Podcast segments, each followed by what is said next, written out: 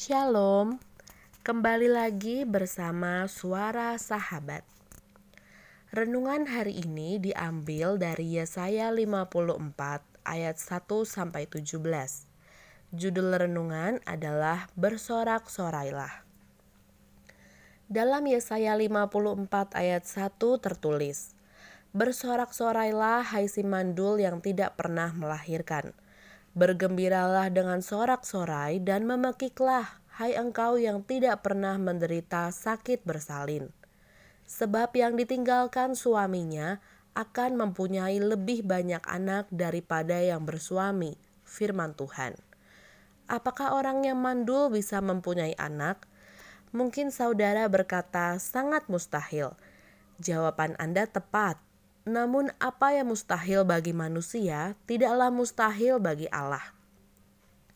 Orang-orang Yehuda di pembuangan diajak oleh Allah untuk bersorak-sorai dan memekik, yakni berteriak dengan suara keras atau nyaring kegirangan. Ajakan ini bukan sekedar mengekspresikan kebahagiaan karena menerima pembebasan dari pembuangan, tetapi juga memperlihatkan sikap Allah yang bersedia menebus, menerima, dan memperbarui mereka kembali. Allah yang semula murka dan menghukum mereka ke pembuangan, oleh kasih setianya memanggil mereka kembali dan memberkati mereka. Allah memperbarui perjanjian dengan mereka, agar mereka bisa menerima kembali hak dan kewajiban sebagai umatnya. Wajar orang-orang Yehuda diajak bersorak-sorai karena Allah menjamin kehidupan yang berkelanjutan bagi umatnya di masa depan. Anak-anak mereka akan diajar langsung oleh Allah, sehingga kesejahteraan akan memenuhi kehidupan mereka. Melalui kehidupan yang berkelanjutan ini, mereka akan ditegakkan di atas kebenaran. Allah yang akan melindungi mereka, oleh karena itu, hidup mereka setelah ditebus dan diperbarui adalah milik Allah. Dia memberi perlindungan dan penyelamatan. Demikian juga yang harus kita lakukan, yaitu bersorak-sorai. Kita bisa hidup sampai hari ini karena anugerah Tuhan. Renungkanlah berapa banyak kesalahan yang kita lakukan hingga hari ini.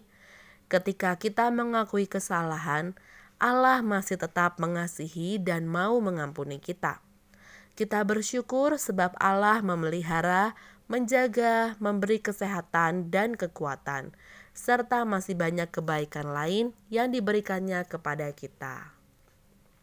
Sahabat semua, apa pun yang sedang kalian hadapi sekarang, mungkin kalian berbeban berat atau lelah dengan keadaan kalian, mari datang dan jujur di hadapan Tuhan Mari akui keadaan hidup kita, karena Tuhan sanggup mengubah dan membaharui keadaan kita. Jangan menyerah, Tuhan selalu bisa mengubah hidup dan keadaan kita, karena Dia sahabat sejati kita. Sampai bertemu di suara sahabat berikutnya. Shalom.